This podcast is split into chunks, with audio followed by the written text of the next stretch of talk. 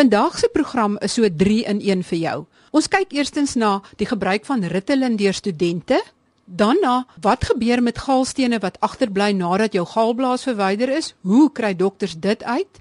En in die tweede deel van die program kyk ons na op watter vlakke jou cholesterol, glikose en bloeddruk beheer moet word vir alles jy diabetes sodat dit so ideaal as moontlik is om jou risiko vir hartprobleme en ander komplikasies te verminder.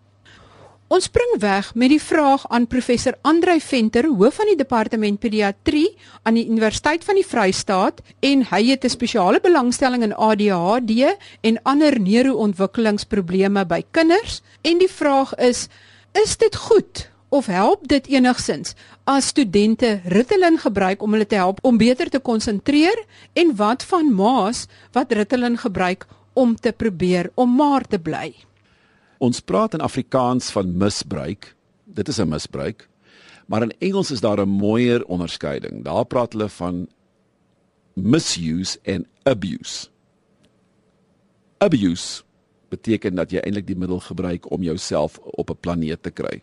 Jy weet, dat is 'n euforiese effek. Dis nie waarvan jy nou praat nie. Ons praat van mense wat dit misbruik wat nie 'n diagnose het nie. Anderswoorde normale mense wat die stimulante gebruik. En daar's regtig net 2, miskien 3 redes hoekom mense stimulante misbruik. Nie stimulante word amper nooit misbruik nie want hulle is nie soveel pret nie. So dis die stimulante wat misbruik word. Die eerste rede is om wakker te bly. So studente wat besig is om te cram drink dit sodat hulle kan lank wakker bly sodat hulle kan langer studeer. Ek sê altyd as jy net behoorlik geswat het, jy dit nodig gehad nie. Tweede ding is jy leer definitief makliker en onthou vinniger op medikasie, selfs as jy nie 'n diagnose het nie. Behalwe dit kan natuurlik teen jou tel, die volgende dag kan jy uit blank, né? Maar maar jy onthou nie lank nie. So dit is net cram remember write and forget. Jy weet dis daai soort van patroon. En die derde rede waarom mense dit misbruik is vir gewigsverlies omdat dit juis hulle eetlus onderdruk. Nou wat interessant is oor die eetlusonderdrukking is dat hoe meer oorgewig jy is, hoe minder werk die aptyd onderdrukkende effek. So ek sê altyd vir mense as hy vir jou werk, deur jou eetlus onderdruk is jy al maar genoeg. Dit help vir maar klein mense. Hulle eetlus gaan heeltemal weg. Maar die groot eters eet. So eintlik is dit nie 'n baie goeie dieet pil nie. Daar's waarskynlik beter is. Hy het 'n bietjie van 'n eetlusonderdrukkende effek in oorgewig mense, normale oorgewig mense, maar dis regtig nie 'n goeie dieetpil nie. Maar daar is definitief adolessente dogters en sekerlik jong volwassenes op universiteite wat dit vir daai rede misbruik. Vir die studeer um, is daar wetenskap wat wys dat dit eintlik so werk. Dit hou jou wakker, dit laat jou beter leer. En ehm um, die dilemma is dis nie oneties vir 'n dokter om dit voor te skryf nie. En daar's redes wat ek nie wil ingaan nie, maar hulle kan dit oor sekere kappe hang dat dit in beswil van die pasiënt is en dat daar 'n goeie pasiënt-dokter verhouding is dat dat. Dit beteken nie dat jy 'n dokter kan bel en sê los my 'n voorskrif nie. Dit is nie aanvaarbaar nie, maar jy kan dit in konsultasie kry. So dit is nie oneties nie. En omdat dit voorgeskryf word vir iets waarvoor dit nie ontwikkel is nie, is ook nie onwettig nie, want ons het ook 'n loophole daar wat sê dat jy goed eh, kan voorskryf off label. Dit beteken nie waarvoor dit geregistreer is nie. So dis moeilik vir die mediese gemeenskap om hulle regtig hieroor uit te spreek. Dit is 'n morele sosiale issue. En die sosiale diskurs moet eintlik hierdie saak aanspreek. En hulle gaan dit nie aanspreek nie, want ons lewe in 'n tyd van onmiddellike gratifikasie. Mense wil die minimum doen, die maksimum effek hê en as dit nou is om medikasie te drink, dan drink hulle ook maar die medikasie. En dit is nou so erg dat ouers by my kom en sê maar 10 by 10 van die kinders in my kind se matriekklas gebruik medikasie. Jy moet maar vir hom ook voorskryf want hy kan nie 'n agterstand hê om dit te kry nie. So daar is in die sosiale gewete amper nie meer 'n punt hieroor om te sê maar maar ons doen eintlik iets wat immoreel is en nog te verder te vat. Net die rykes kan dit bekostig en die armes kan dit nie kry nie. Nou het ons nog 'n verdere sosiale diskurs om te sê maar dis eintlik oneties. Maar nie medies oneties nie, dis sosiaal oneties. Maar wat dan van medikasie soos Ritalin vir kinders en volwassenes wat wel gediagnoseer is met ADHD wat inderwaarheid dan 'n chemiese wanbalans in die brein is? Die een ding wat die grootste verskil kan maak, as een ding 'n verskil gaan maak, is medikasie. Ek was nou net by die Wêreldkongres in Stockholm. Hulle het nou groot studies gedoen waar hulle al die navorsing wat nog ooit gedoen is vir mekaar sit en kyk wat maak 'n verskil. En hulle het gaan kyk, maak die vrye vetsure, hierdie omega 3s en 6, maak dit 'n verskil. Almal gee dit. Statisties. Nee. Maak dieet manipulasie 'n verskil? Statisties? Nee. Maak kleurstofverwydering 'n verskil? En snaaks dit het toe statisties opgekom. So dis een wat miskien dan belangrik is. Maar dis nie die behandeling nie, dis deel van. Hulle het gaan kyk of maak hierdie neurobiofeedback wat baie mense doen 'n verskil. Kom nie statisties op nie. Kom kognitiewe terapie. Daar's verskriklik baie kommersiële kognitiewe terapie wat kinders doen. Maak nie statistiese verskil nie. So dis nie te sê dit werk nie, Maar daar's nie goeie bewyse dat dit werk nie op hierdie stadium nie. Miskien is ons navorsing te grof, miskien is ons goed ons meet nie reg nie. Ek meen daar is faktore, dit kan verander oor tyd. Maar medikasie maak ongetwyfeld 'n verskil. Ek miskien ek dit in konteks stel. As jy 'n siekte het, enige siekte. Sê maar soos mangelontsteking. En ek weet penicillin maak dit absoluut gesond.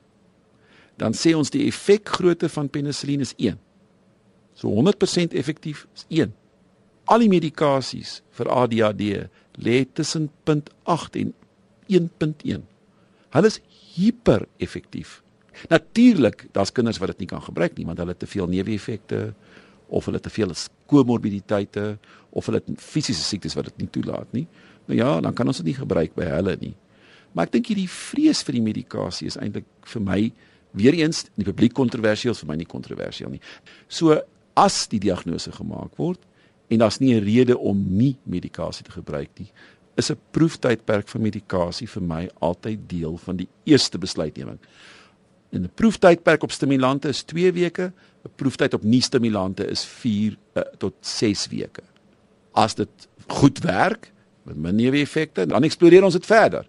As dit 'n fiasco is en die kind huil heeldag en nag en dit is 'n gemors, dan gaan jy nie verder nie. Maar moenie die moontlikheid ontneem voordat dit nie getoets het nie.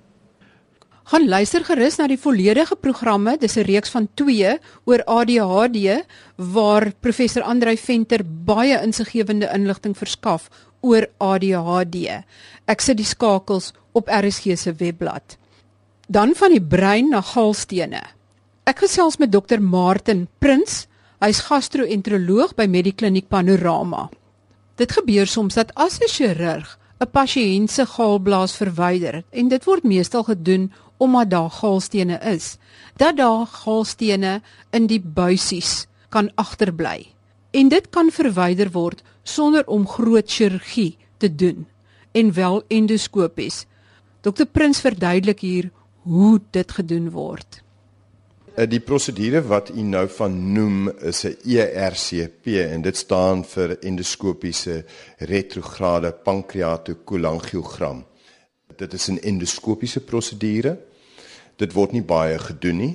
Dit is amper net soos 'n gastroskopie waar jy met 'n kamera af by die slukdarm gaan tot in die maag tot in die tweede gedeelte van die duodenum wat 'n normale gastroskopie behels. Maar die scope wat ons dan gebruik, kyk nie vorentoe, hy kyk sywaarts.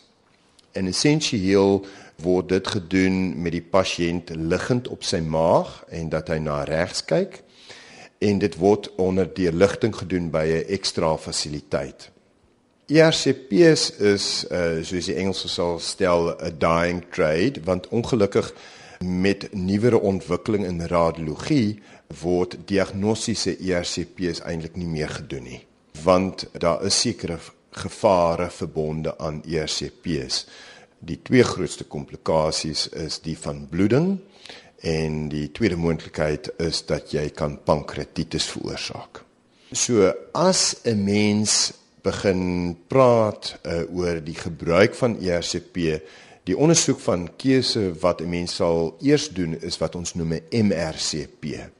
Dit is waar ons 'n uh, magnetiese resonans uh, imaging gebruik soos uh, by die radioloog. En dit kan vir jou ten minste uh, met diagnostiese redes vir jou sê wat daar aangaan. Daar is duidelik nog 'n plek vir ERCP's wat ons praat van terapeutiese prosedures. In ander woorde waar jy iets gaan doen. As jy 'n pasiënt kry en ons noem nou as voorbeeld uh, waar daar galblaas uh, verwyder is en die moontlikheid word oorweeg daar sit nog 'n uh, steen in die galwee, dan sal mense eers net 'n gewone buiksonar doen.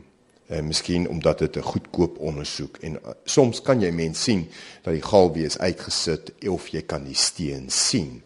Al dan nie, dan sal 'n mens uh, eers oorweeg om 'n MRCP te doen want dit is 'n nie indringende prosedure. In ander woorde, jou komplikasierisiko is baie kleiner. Die rede vir die komplikasies is die bloeding want wat 'n mens doen is jy sit 'n kateter in die galwee. Oor die kateter passeer jy 'n gidsdraad. Wanneer nou kleurstof inspuit, sal jy kan sien of daar 'n agtergeblewe steen is of is daar 'n vernouing of is daar uitsetting of is daar maligniteit of iets. En wat 'n mens dan sal dan doen is jy sal die sfinkter of die opening van die galwee net oopsny. En dis wat ons noem 'n sfinkterotomie, maar dit kan soms bloei. En so dit is waar die bloeding van afkom. Die ander moontlikheid uh, of komplikasie wat jy kry met 'n ERCP is wat ons noem pankreatitis. En wat 'n mens moet besef is dat die pankreasbuis vanaf die pankreas sluit aan by die gemene galbuis. En as 'n mens nou in die gebied van die gemene buis gaan werk en irriteer, kan jy ook irritasie van die pankreas veroorsaak en dan kry jy mens wat ons noem pankreatitis. Die kanse van pankreatitis eintlik baie klein. Uh, in die literatuur word dit beskryf enigiets van 4 tot 7%. Maar hoe meer ervare 'n mens is, hoe kleiner is die kans van pankreatitis. Nou pankreatitis kan 'n mens normaalweg konservatief behandel, maar die groot gevaar is dat jy kan 'n erge pankreatitis ontwikkel of hemorragiese pankreatitis wat in sekere gevalle al beskryf is 'n uh, pasiënt se dood kan veroorsaak. Maar gelukkig is daai syfers verskriklik klein. En hoe meer ervare 'n mens is, hoe beter. So die terapeutiese redes vir 'n ERCP sal wees om stene uit te haal Mens sal ook uh, in sekere pasiënte waar jy pankreas kopkanker het waar die maligniteit eintlik druk op die galwee, kan jy dan tydelike stents in soos 'n plastiek stent. Of as die pasiënt onopereerbaar is, dan sit ons soms op dieselfde tyd 'n metale stent in. En die metale stent verhoed dat die massa dan 'n druk effek het op die galwee dat die gal nou nie kan uitkom nie want dan kry jy tipies geelsigtigheid. Ons kan ook uh, vernouings of strukture behandel uh, deur om 'n uh, stente in te sit. En dit is seker die algemeenste redes vir uh, ERCP's.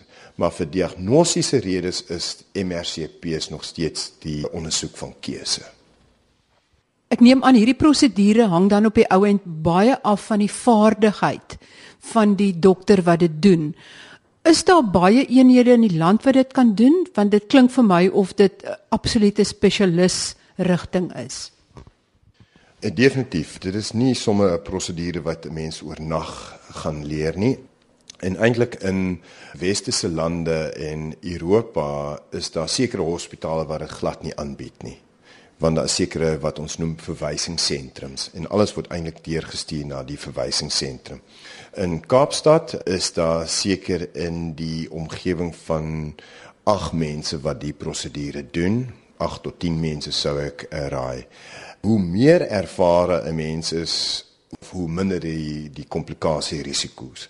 Dit is nogal 'n baie moeilike prosedure want die scope self het 'n fasiliteit om op en af en links en regs te beweeg, maar op dieselfde tyd het jy ook wat ons noem 'n brug wat nog ook die punt van die kateter kan manipuleer.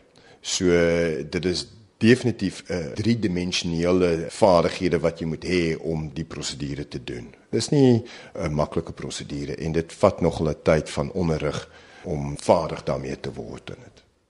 So met ander woorde, as iemand ooit so 'n tipe prosedure nodig het, is dit baie noodsaaklik dat jy doodseker maak dat jy in die hande van 'n vaardige dokter is om hierdie prosedure te doen. Definitief, dit is baie belangrik want dit is duidelik bewys dat as mens gaan kyk na van die literatuur uh, in die mediese joernale beskryf word, is daar duidelik 'n uh, verhoogde kanse van komplikasies in 'n vergelyking met centers of excellence. In ander woorde waar dit op 'n gereelde basis gedoen word, is daar duidelik verminderde komplikasie risiko's in dit. In hierdie deel gesels ek met dokter Marius Wasserval, internis by die Panorama Medikliniek en ons kyk na die vlakke waarop tipe 2 diabetes se glikose, cholesterol en bloeddruk beheer moet word en ook na die vlakke waarop mense sonder tipe 2 diabetes hulle bloeddruk en cholesterol behoort te beheer. Dokter Wasserval, hoe groot impak het dit of jy nou jou bloedglikose vlakke goed kontroleer of swak kontroleer? Is daar 'n groot verskil in die uitkoms? Weet jy daar's 'n enorme verskil tussen jou goed gekontroleerde diabetes en jou sleg gekontroleerde diabetes. Eerstens in die tydperk wat dit neem vir komplikasies om te ontstaan en tweedens ook in die graad van komplikasies en derdens moet ons ook aanvaar dat diabetes verhoogde risiko's vir allerlei ander probleme het. Daar's ook baie studies wat bevestig het hoe meer jou glikose vlakke fluktueer van laag na hoog, hoe vinniger ontwikkel komplikasies en hoe erger is die komplikasies. Dit gesê, is dit belangrik om te weet dat om net jou diabetes goed te kontroleer, sal jy wel jou oog, nier en voetaantasting in die vorm van komplikasies kan verminder. Maar jy kan nie net jou diabetes kontroleer en verwag dat jy jou risiko op hartaanvalle en beroertes gaan verlaag nie. Daar het jy nodig om al die verskillende risikofaktore aan te spreek. Dus jou bloeddruk moet gekontroleerd wees, al moet dit dan gekontroleer word met pille jou gewig moet so naas moontlik aan 'n uh, normale liggaamsmassa indeks wees en jou liggaamsomtrek so naas moontlik aan die riglyne. Jy moenie rook nie. Jou slegte cholesterolwaarde moet onder 1.8 wees. Dis 'n LDL van onder 1.8 en jou suiker moet gekontroleer wees sodat jy 'n 3 maande suikerkontrole toets of 'n HbA1c van onder 7% het. As jy alles reg doen, dan het jy 'n merkwaardige verlaging in jou risiko vir hartaanvalle en beroertes. Maar dit gaan nie jou risiko neutraliseer nie. As 'n diabetes sal jy altyd 'n verhoogde risiko hê vir komplikasies omdat jy die toestand het. Daai risiko sal nooit na 0 toe gaan nie. Maar jy kan dit met 20% of 30% verlaag as jy die verskeie risikofaktore almal aanspreek en kontroleer. Dit is ook interessant dat ehm um, Dr. Suzette Fourie met ons spesiale buiteuitsending op Walde Wie onlangs gesê het dat juis tipe 2 diabetes en vroue se simptome vir hartaanvalle is dikwels anderste en kan baie stiller wees as die van mans. Maar kom terug by tipe 2 diabetes, soos dokter Wasserval nou gesê het, gaan dit dikwels gepraat met ander probleme ook, hoë cholesterol, hoë bloeddruk ensovoorts. Dokter Wasserval, as mens dan 'n hoë bloeddruk het, hoë cholesterol en jy tipe 2 diabetes, wat een van daai is dit die belangrikste om baie baie goed te kontroleer? As jy gaan kyk in Suid-Afrika se inderwaarheid in die hele wêreld, is daar goeie data om die feite ondersteun dat hoë bloeddruk 'n baie groter probleem is nog selfs as diabetes. Ons onderskat diabetes, maar soveel te meer onderskat ons hoë bloeddruk, want dit is amper normaal vir mense om te sê as jy 60 jaar oud is, ja, jy het hoë bloeddruk en jy drink 'n hoë bloeddruk pilletjie. Maar die effek of sal ons sê die voorkoming van komplikasies deur jou bloeddruk te kontroleer is soveel meer effektief as om jou suiker te kontroleer. Dis as jy my gaan vra as jy sit met iemand met diabetes, hoë bloeddruk en cholesterol, wat is die belangrikste om te behandel om 'n hartaanval en 'n beroerte te keer? Is die antwoord verseker die hoë bloeddruk. daarmee saam moet jy egter dan jou cholesterol en jou diabetes bysit want onthou jy kan ook nie net een van die verskeie toestande beheer nie. Jy moet almal van hulle beheer om effek te hê. Maar daar is goeie data dat as jy jou bloeddruk normaliseer of binne die aanvaarbare reikwytes hou, verlaag dit op sy eie jou risiko vir hartaanval en beroerte aansienlik.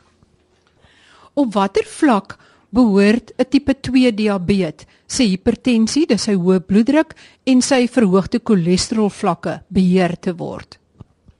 Tot en met 2014 het ons gesê jou diabetes en jou nierversaking pasiënte se bloeddruk moet nog strenger gekontroleer word as die nie diabetes. Daardie riglyne is egter so 'n bietjie aangepas in 2014. Op hierdie stadium sê ons dat alle pasiënte se sistoliese bloeddruk, dis die boonste waarde, moet kleiner wees as 140 en die onderste waarde moet kleiner wees as 90. As jy egter ouer is as 80 jaar oud en jy het geen ander siektes nie, met ander woorde jy het net hoë bloeddruk, dan kan jy 'n sistoliese lesing van tot en met 150 aanvaar, maar die diastoliese lesing moet steeds onder 90 wees. Dis maak dit nou baie makliker want ons weet jou teiken vir behandeling is 140 op 90. Ek sou baie keer my pasiënte aanbeveel om vir hulle self 'n bloeddrukmasjienkie te koop en om elke keer saam te bring as hulle na my toe kom sodat ek kan kontroleer dat die masjienkie reg lees en hulle kan by die huis hulle bloeddrukke dophou en seker maak die boonste lesing bly onder 140 en die onderste lesing bly onder 90. As jy verwys na cholesterol, moet jy seker maak dat ons weet na watter cholesterol jy verwys. Onthou jy kry jou goeie cholesterol, jou slegte cholesterol en dan die vette of wat ek baie keer sommer na verwys as the good, the bad and the ugly. So jou vette se vlak moet onder 1.7 wees. Dit is minder van 'n probleem in die groter hoeveelheid diabetes maar dit moet ook na gekyk word. Jou goeie cholesterol moet meer wees as 1 of 1.2 afhangende van jou geslag en af, afhangende van die laboratorium waar jy dit toets. Jou slegte cholesterol of die LDL moet onder 1.8 wees. Dit is volgens Suid-Afrikaanse riglyne, Amerikaanse riglyne en Europese riglyne. Almal stem saam dat daar 'n merkwaardige verlaging is in risiko as jy jou slegte cholesterol sak na 'n LDL waarde kleiner as 1.8. Ongelukkig is ons in Suid-Afrika in 'n posisie waar mediese fondse dikwels die medikasie wat ons mag gebruik dikteer. Hulle dikteer dit volgens die aanvaarbare praktyk in die staatssektor. En omdat daar groot finansiële uitgawe aan verbonde is om 'n LDL te sak van 2.5 na 1.8, voel hulle dit is nie finansiëel altyd die moeite werd nie. So waar jy 'n sekere aantal pasiënte moet behandel om een pasiënt se hartaanval te keer as jy hom byvoorbeeld laat sak van 'n LDL van 4.5 na 2.6, gaan jy soveel meer pasiënte moet behandel met duurder medikasie om hulle LDL te sak van byvoorbeeld 2.6 na 1.8 om een pasiënt se hartaanval te keer. Daardie finansiële model dryf dan op hierdie stadium baie besluite in die land waar mediese fondse besluit hulle gaan nie noodwendig vir die sterker medikasie betaal nie want dit gaan soveel meer uitgawes kos en nie noodwendig soveel meer hartaanvalle keer nie. Dit verander egter niks aan die feit dat nasionale en internasionale riglyne bewys het 'n LDL vlak moet onder 1.8 wees in diabetes en hoë risiko pasiënte om die risiko maksimaal te verlaag om 'n hartaanval of beroerte te kry. Wat behoort dit te wees in 'n pasiënt wat nie tipe 2 diabetes het nie, net om dit in konteks te stel? Jou algemene riglyne sê 'n LDL van onder is aanvaarbaar, maar in hoë risiko pasiënte en spesifiek dan diabetes bo die ouderdom van 40 jaar 'n LDL van onder 1.8. En ek moet sê as ek nou gediagnoseer moet word met tipe 2 diabetes, sal ek maar my eie geldjies uithaal om vir daai pilletjies te betaal om my cholesterol so laag as moontlik te kry, maar elkeen moet natuurlik self besluit daaroor daarmee kom ons aan die einde van vandag se gesondheid op RSG. Ek sit ook die skakels na die interessante programme oor tipe 2 diabetes op die webblad en die res van die maand beweeg ons so effens suidwaarts en ons kyk na dikdarmprobleme, prostaatprobleme en ook testikulêre kanker. Tot volgende week dan. Totsiens.